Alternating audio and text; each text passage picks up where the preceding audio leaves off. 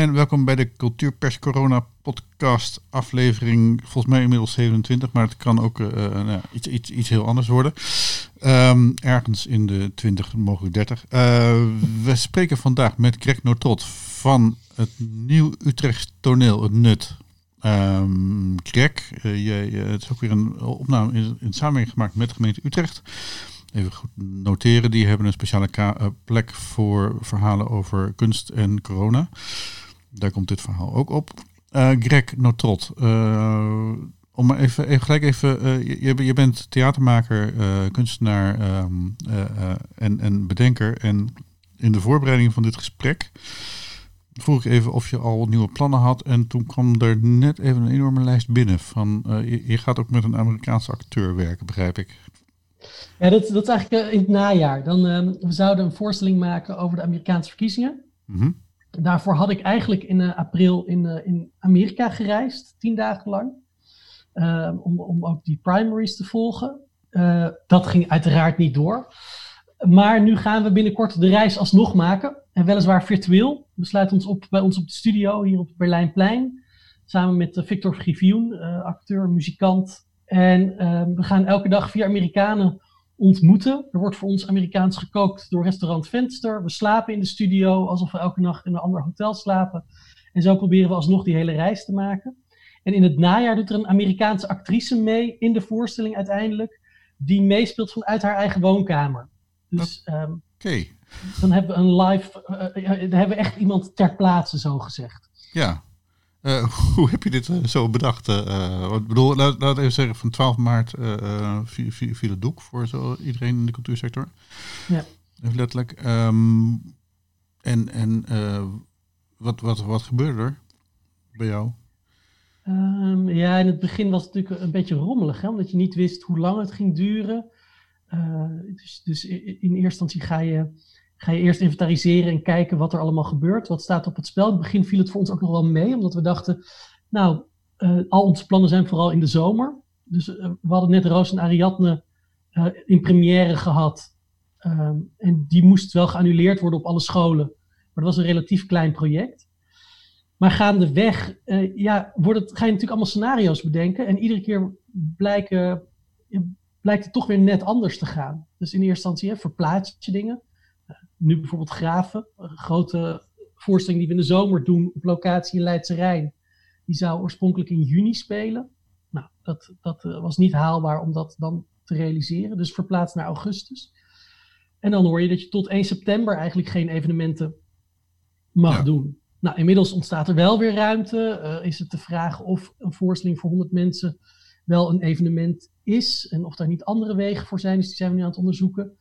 Maar parallel daaraan hebben we ook al bedacht dat die voorstelling sowieso ook te bezoek is vanuit je huiskamer. We willen geen mensen uitsluiten, dus we zoeken ook naar vormen waardoor je in je huiskamer toch een, een, een, ervaring hebt uh, van, uh, van een live voorstelling. Okay. ik heb altijd al de behoefte om mensen zich heel erg thuis te laten voelen bij mijn voorstellingen. Ja. Dus dat wordt nu nog makkelijker uh, als mensen eenmaal thuis zitten. Ja, want, want, dat is natuurlijk wel een van de dingen de meeste voorstellingen die jij maakt uh, kan gegeten worden. Uh, uh, van de brood samen zijn. Ze meestal ja, ook meestal lekker eten, kan ik al wel zeggen. um, ja, hoe ga je dat dan nu op? Ga je, ga je catering laten langsbrengen bij de mensen? Of geef je een recept erbij? Wat, wat, wat, wat? Ja, nou in, in aanloop naar de voorstelling, sowieso, die, die voorstelling Graven wordt een, wordt, krijgt echt ook een andere vorm. En eerlijk gezegd, ik ga wel aan van die beperkingen. Dus ik, ik word wel enthousiast van um, het moeten werken met beperkingen en, en dat leidt tot nieuwe vormen. Dus in plaats van alleen de voorstelling gaan we nu sowieso een maand in aanloop naar de voorstelling al elke dag iets delen met het publiek. Uh, ze gaan eigenlijk mee op de zoektocht, de speurtocht naar het verhaal en krijgen steeds per post of per mail aanwijzingen en hints opgestuurd. En daar zullen ook al een aantal recepten tussen zitten. Uh, kook dit en post dit, want dan snap je beter waar het verhaal straks over gaat. Ja. Um, maar er is de mogelijkheid om, uh, om uh, mee te eten, ook straks. We werken dus samen met restaurant Venster en die doen dat nu al. Die organiseren Zoom-diners. Oh. En dan haal, ja, het is heel leuk. Ik heb het van de week gedaan. Je haalt bij hun je, je tasje op. Uh, dat is allemaal super lekker klaargemaakt. De meeste dingen hoeven eigenlijk alleen maar een kwartiertje in de oven. Um, en het begint met dat je je oven op 180 graden moet staan. En dan ga je met z'n allen, ontmoet je de chef En die, en die vertelt wat, wat hij heeft voorbereid voor je en hoe we dat gaan maken. En dan gaan we in breakout rooms, zitten we met kleine groepjes mensen samen te koken, te praten. Je ontmoet nieuwe mensen. En je hebt toch echt wel de ervaring van samen zijn. Wat bijzonder. Ja, het is heel leuk. Is er, is er een restaurant in, in Leidse Rijn? Want bedoel, jij, bent toch inmiddels wel zo'n beetje de, de, de culturele hoop van, van de, de, de nieuwe Phoenix. Maar... Uh, ja, uh, restaurant Venster, dat zit op het Berlijnplein. En dat is een hele leuke chef-kok. Um, en, en daarmee ontwikkelen we dit. Uh, en hij is sowieso voortvarend. Hè. Voor hem waren de problemen veel acuter dan voor ons. dus hij was voor zijn eigen zaak al bezig met dit soort concepten. Um, en de vraag is nu, hoe gaan we dit bijvoorbeeld aanpakken voor mensen die in Groningen of in China de voorstelling ook willen bezoeken? Ja. Dus die zullen niet hun, hun, hun tasje kunnen komen ophalen. En dan uh, zullen ze een recept krijgen. En daar zal, daar zal iets anders voor zijn. En we zullen ook kaartjes aanbieden zonder diner. Dus we zullen wat flexibeler moeten zijn in de vormen. En proberen eigenlijk voor iedereen iets te bedenken waardoor het past. Oké. Wat een, wat een, wat een uh, gaaf idee eigenlijk. Uh, want je, bent natuurlijk voor je voorstellingen niet echt afhankelijk van de, van, van, van de reguliere theaters. Nee, dat wel ook soms. Hè. Ik bedoel, de voorstelling terug zou gespeeld hebben in Maastricht. Dat, dat ging niet door. Um, in het najaar toeren wij langs, langs de Schouwburgen met die voorstelling over de Amerikaanse verkiezingen. Ehm, nou ja, daarvoor hebben we nu ook al een idee gedropt. Waarin we zeggen, kunnen we hem niet in twee steden tegelijkertijd spelen? hè, als, als Victor in Leiden staat en ik in Amsterdam en de actrice in Amerika is, dan, hebben we, uh, dan, en, en dan kijkt er misschien een derde publiek vanuit thuis mee, een derde zit live in Leiden en een derde zit live in Amsterdam. En zo hebben we toch een volle zaal.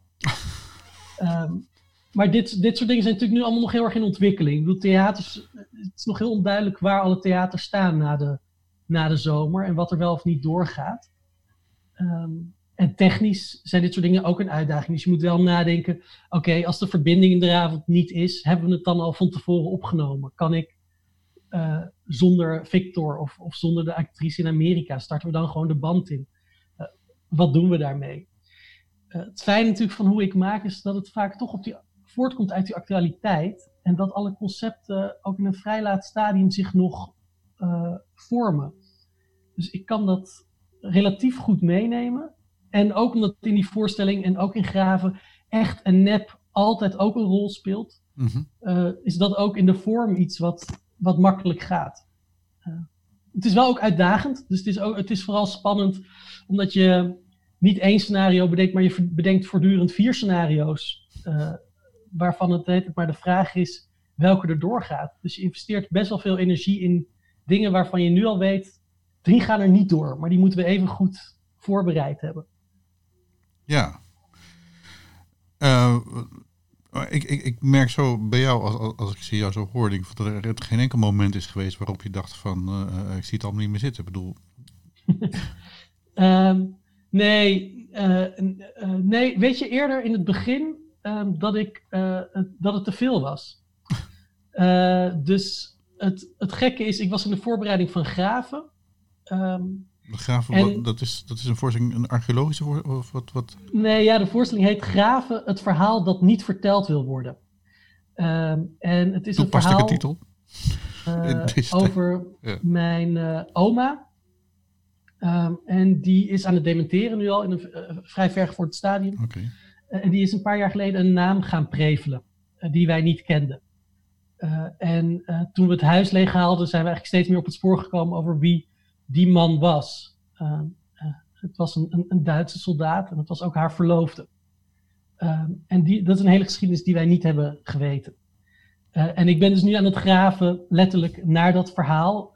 en het gaat over mijn oma, die voor mij altijd een soort van fantastisch mens was. maar dat je dus nu ook andere kanten erbij krijgt. En eigenlijk gaat het over, mogen we ook dingen vergeten? Uh, zij heeft dit altijd willen vergeten. En net nu ze aan het dementeren is en alles vergeet, is dit het enige wat nog naar buiten komt. Uh, dus ja, er zit zeker ironie in. En ik weet niet of het betekent dat ze het juist wil delen. Of dat ze, nou ja. Eh, in ieder geval, dat was natuurlijk materiaal wat, wat al langer bij mij lag. En waarvan ik dacht, nou nu met die 75 jaar is dit misschien wel het moment om, om dit verhaal te gaan onderzoeken en verder in te duiken. Ook met heel veel weerzin doe ik dat. Dus ik heb er en heel veel zin in, maar ik vind het ook eng in wat ik hmm. opgraaf en wat ik tegenkom. En ik aarzel ook echt oprecht de hele tijd over wat ik er wel of niet over moet vertellen. Ook dat ik jou dit nu zo vertel, denk ik ook alweer van. In, in de voorstelling heb ik altijd de bescherming van dat het nep is. Hmm. Eh, of nep kan zijn. En dan voel ik me wat vrijer om de waarheid te vertellen. Maar nu wij zo praten en er wordt verwacht dat, dat ik de waarheid vertel, uh, dan, dan uh, vind ik het altijd spannend om zo te zeggen: Mijn oma was met een Duits soldaat. Alsof daar nog steeds een oordeel hmm. van mensen op zou, uh, op zou kunnen zitten. ja, dus die voorstelling die was eigenlijk gepland voor juni. ik heb bij Theater naar de Dam op 4 mei een voorproefje gedaan voor 100 mensen via Zoom. Dat was heel leuk. en in principe gaat die zoektocht natuurlijk gewoon verder. Dus die, hij heeft wat vertraging opgelopen, maar die voorstelling komt er even goed. Ja, ja, ja je, hebt, je, hebt, al een oplossing voor het uh, anderhalf meter probleem in de theaters, eh, begrijp ik. Door gewoon op, uh, er 40 kilometer van te maken tot 4000. Ja. ja, kijk, waar ik nu op de achtergrond zie je de perronkappen van het Berlijnplein. Dat was de oorspronkelijke locatie geweest voor, voor graven. Mhm. Daar kan je prima 100 mensen kwijt. het is, mijn oma was pianiste. Het is een, het is een, een duet voor vleugel en kleinzoon, de ondertitel van de voorstelling. Dus in het midden zit een hele grote vleugel. Maxime Snaters, een fantastische uh, pianiste, die, die speelt. Um, en we kunnen genoeg afstand creëren voor 100 mensen om ieder uh, per twee, dus eigenlijk uh, eh, 50 zitjes van twee, of het zullen 40 zitjes van twee zijn en 20 losse stoelen, um, om, om mensen daar te ontvangen. Maar je weet gewoon, ik durf daar niet op te varen. Ik durf niet te zeggen dat is wat we gaan doen, omdat ik gewoon echt niet weet wat er de komende twee maanden nog weer gaat gebeuren. Dus daarom heb ik, er, heb ik er ook al heel veel vrede mee als die zich volledig in de huiskamer van iedereen zou hmm. afspelen. En ben ik ook aan het onderzoeken hoe krijg ik nou. Want dat vind ik het grootste gemis hè, via dat, in, in dat Zoom is als wij met z'n twee praten gaat heel goed. Dan hebben wij contact. Maar als ik voor 100 mensen moet spelen, die staan allemaal op mute, dan hoor ik de adem niet meer. Ik hoor de lach niet meer. Ik hoor de reactie niet meer. Um, zodra ik in gesprek met ze ga, is het weer goed. Want dan kunnen zij terugpraten en dan hebben we weer contact. Maar theater, ja, nou, het is een beetje een cliché wat de afgelopen dagen al veel is, is, is, is, is gebruikt, maar je speelt het echt met het publiek.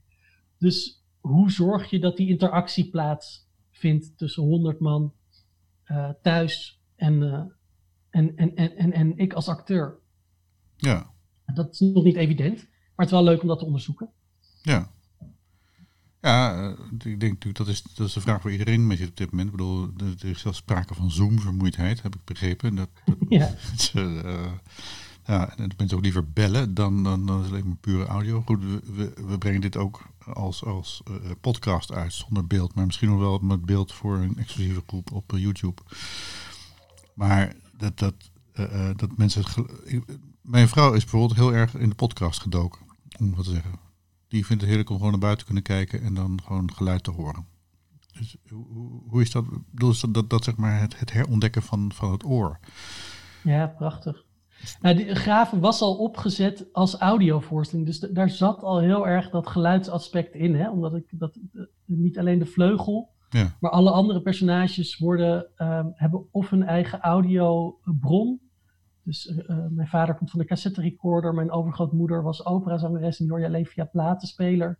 Um, uh, uh, de, de geliefde was een fluitist. Dus die zal op die manier worden vertegenwoordigd. Dus ik was het al heel erg aan het schrijven als, een, als eigenlijk ook een hoorspel of, of een podcast. Oké. Okay. Um, ehm, dat, en, en voor de voorstelling die we zouden maken rond de Vuelta, dat wordt ook echt een hoorspel. Dus we zijn nu ook met Radio 1 in uh, gesprek daarover om te kijken of die dat willen partneren.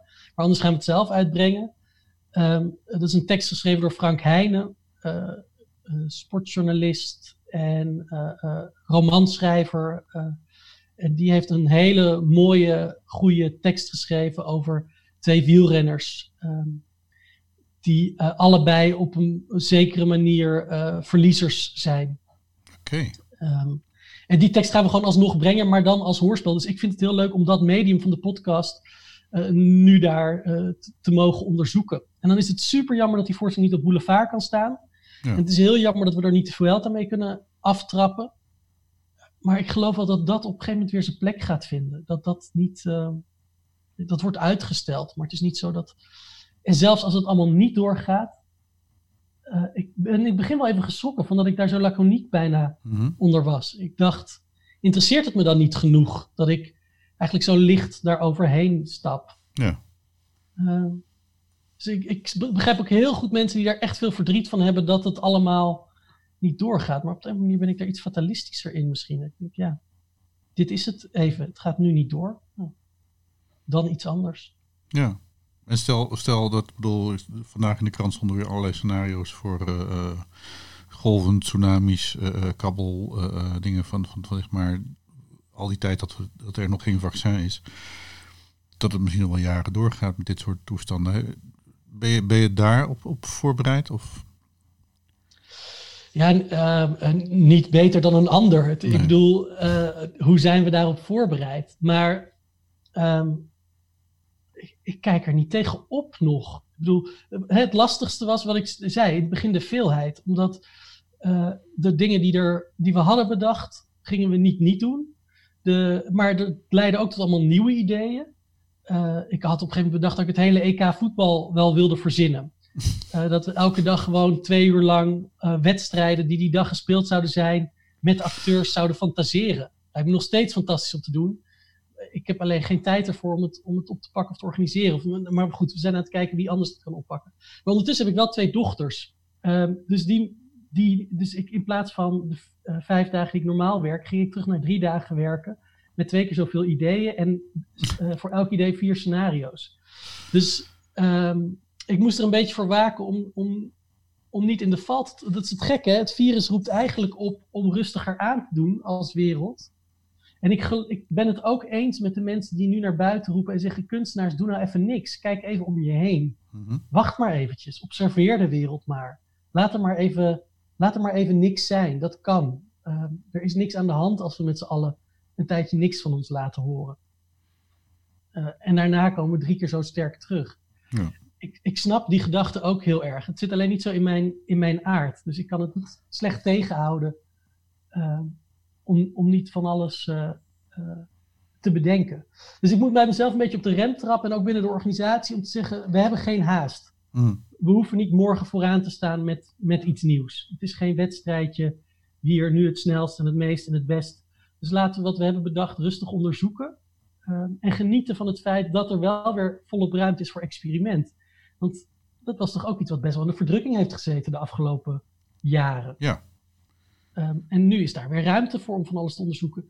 En het andere voordeel is natuurlijk, wij hebben altijd, omdat we een klein gezelschap zijn, heel erg geleefd met de onzekerheid. Dus het, het feit dat dingen niet door kunnen gaan, omdat we afhankelijk zijn van festivals, van programmeurs, van partners, dat, zijn we gewoon heel erg gewend. Dat was altijd al uh, rot.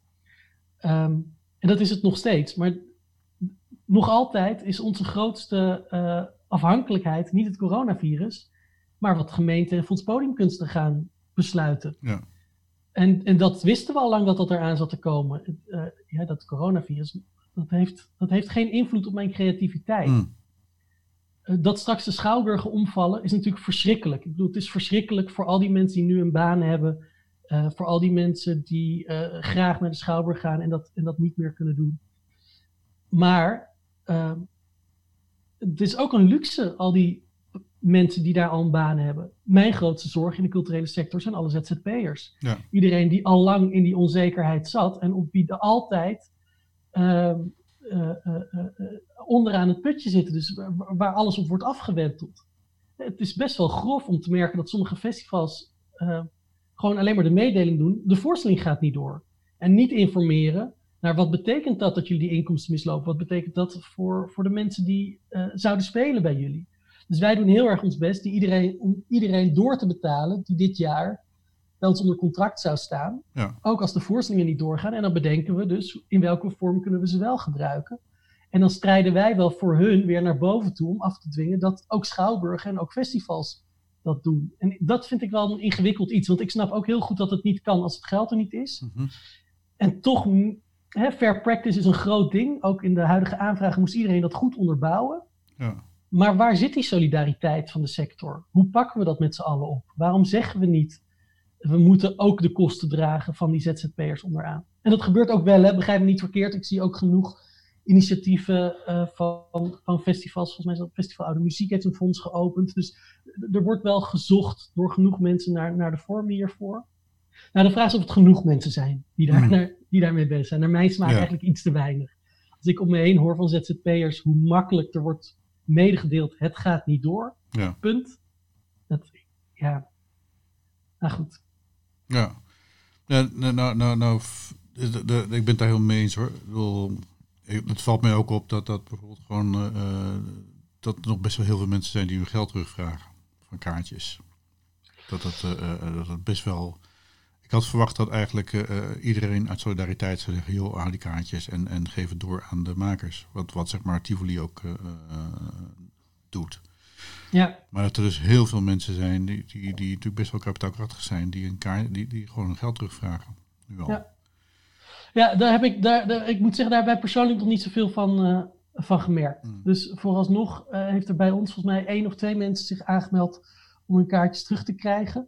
Verder merken we dat er zelfs nog mensen zijn die gewoon kaartjes blijven kopen. Ja. Uh, en, en zelfs met de onzekerheid. Dus niet eens omdat ze. Hè, want we hebben nog niet eens gecommuniceerd. Graven gaat in augustus gewoon plaatsvinden. En toch zijn er mensen die voor de voorstelling in juni nu kaarten kopen en dan een mailtje sturen. omdat we weten dat jullie het nodig hebben. Kijk we krijgen ook veel via vriend donaties binnen, veel meer dan voorheen. Mm En soms zijn er echt weldoeners bij die uh, eh, 500 euro per jaar ineens vijf oh. jaar lang willen doneren. Okay. Dus, maar goed, um, sectorbreed, ja, dat is ingewikkeld dat veel consumenten ook gewoon hun geld terug willen. Ja. ja. Dat is ook lastig, ja. ja. Maar eh, als ik tegelijk denk van ik, ik krijg heel veel energie van, jou, van jouw energie, om even zo te zeggen. dat, dat, dat, het apparaat in jouw hoofd als een, als een bezetene aan het werk is gegaan. Um, dat is natuurlijk ook, ook, ook wel iets van. van, van heb, je, heb jij tips voor andere ZZP'ers? Omdat ik, ik lees net ook een verhaal over een, uh, een tentenbouwer in, in Brabant die zijn personeel gewoon uh, uitgeleend heeft aan andere bedrijven die nog wel werk hebben. En ze zo kan blijven doorbetalen. Uh, heb, jij, heb jij nog... Bedoel, Hoor je, Wijbrand, hoor jij ondertussen trouwens dit, dit geluid? Een boor, uh, boor, boor aan, ja. Ja, er gaat iemand ineens... nieuwbouwwijk, hè? Ja, ja, ja, er wordt hier uh, hard gewerkt. er wordt naast ons druk gebouwd. Maar dit kan ook de jongens van Goede Vrijdag aan de overkant zijn, die blijkbaar toch ook nog steeds gewoon decors produceren. Okay. Wil je dat ik heel even ga kijken? Nou ja, we, we, kunnen, we, kunnen, op zich ook wel afronden, want we zaten al aardig over de, over de tijd heen. Ja. Um, hey, dus, dus, dus, we houden het gewoon bij als, als, als een van de normale dingen die horen bij uh, corona uh, in de podcast, interviews enzovoort. En okay. dat er in ieder geval nog gewerkt wordt in Leidsterrein. Dat is in ieder geval mooi. Dat, uh, Hey, um, ja, over ZZP'ers, over, over, ja. over een advies. Ja, dat vind ik heel lastig. Want ik begrijp ook heel goed dat het niet vanzelfsprekend is dat iedereen nu nieuwe initiatieven ontplooit. Ja. En ik denk ook dat het, het. Het is ook natuurlijk heel cru dat er mensen gewoon in een positie zijn. En dat komt niet door de corona nu, maar dat komt door het beleid van de afgelopen tien jaar. Waarbij het probleem meteen acuut wordt. Die ja. meteen zodra het stilvalt, een groot probleem hebben. Je zou willen dat je in een, in een samenleving zit waar je zo'n klap uh, met drie maanden geen inkomsten, of vier maanden, of misschien zelfs vijf maanden, dat dat niet meteen leidt tot acute problemen. Dat je, dat je dan even door kan en dat je zelf de luxe hebt om te besluiten: heb ik de energie om nu initiatief te ontplooien? Of zit ik ineens in een situatie waarbij ik met drie kinderen thuis zit en moet ik gewoon even accepteren dat het ook oké is om even helemaal niks te willen en om gewoon even naar de wereld te kijken. Hmm binnen mijn, ook binnen de orde, Marcel Ostrop, uh, Michiel Lielma, dat, zijn ook mensen die zeggen, laten we even kijken. En dan gaan we er straks over vertellen.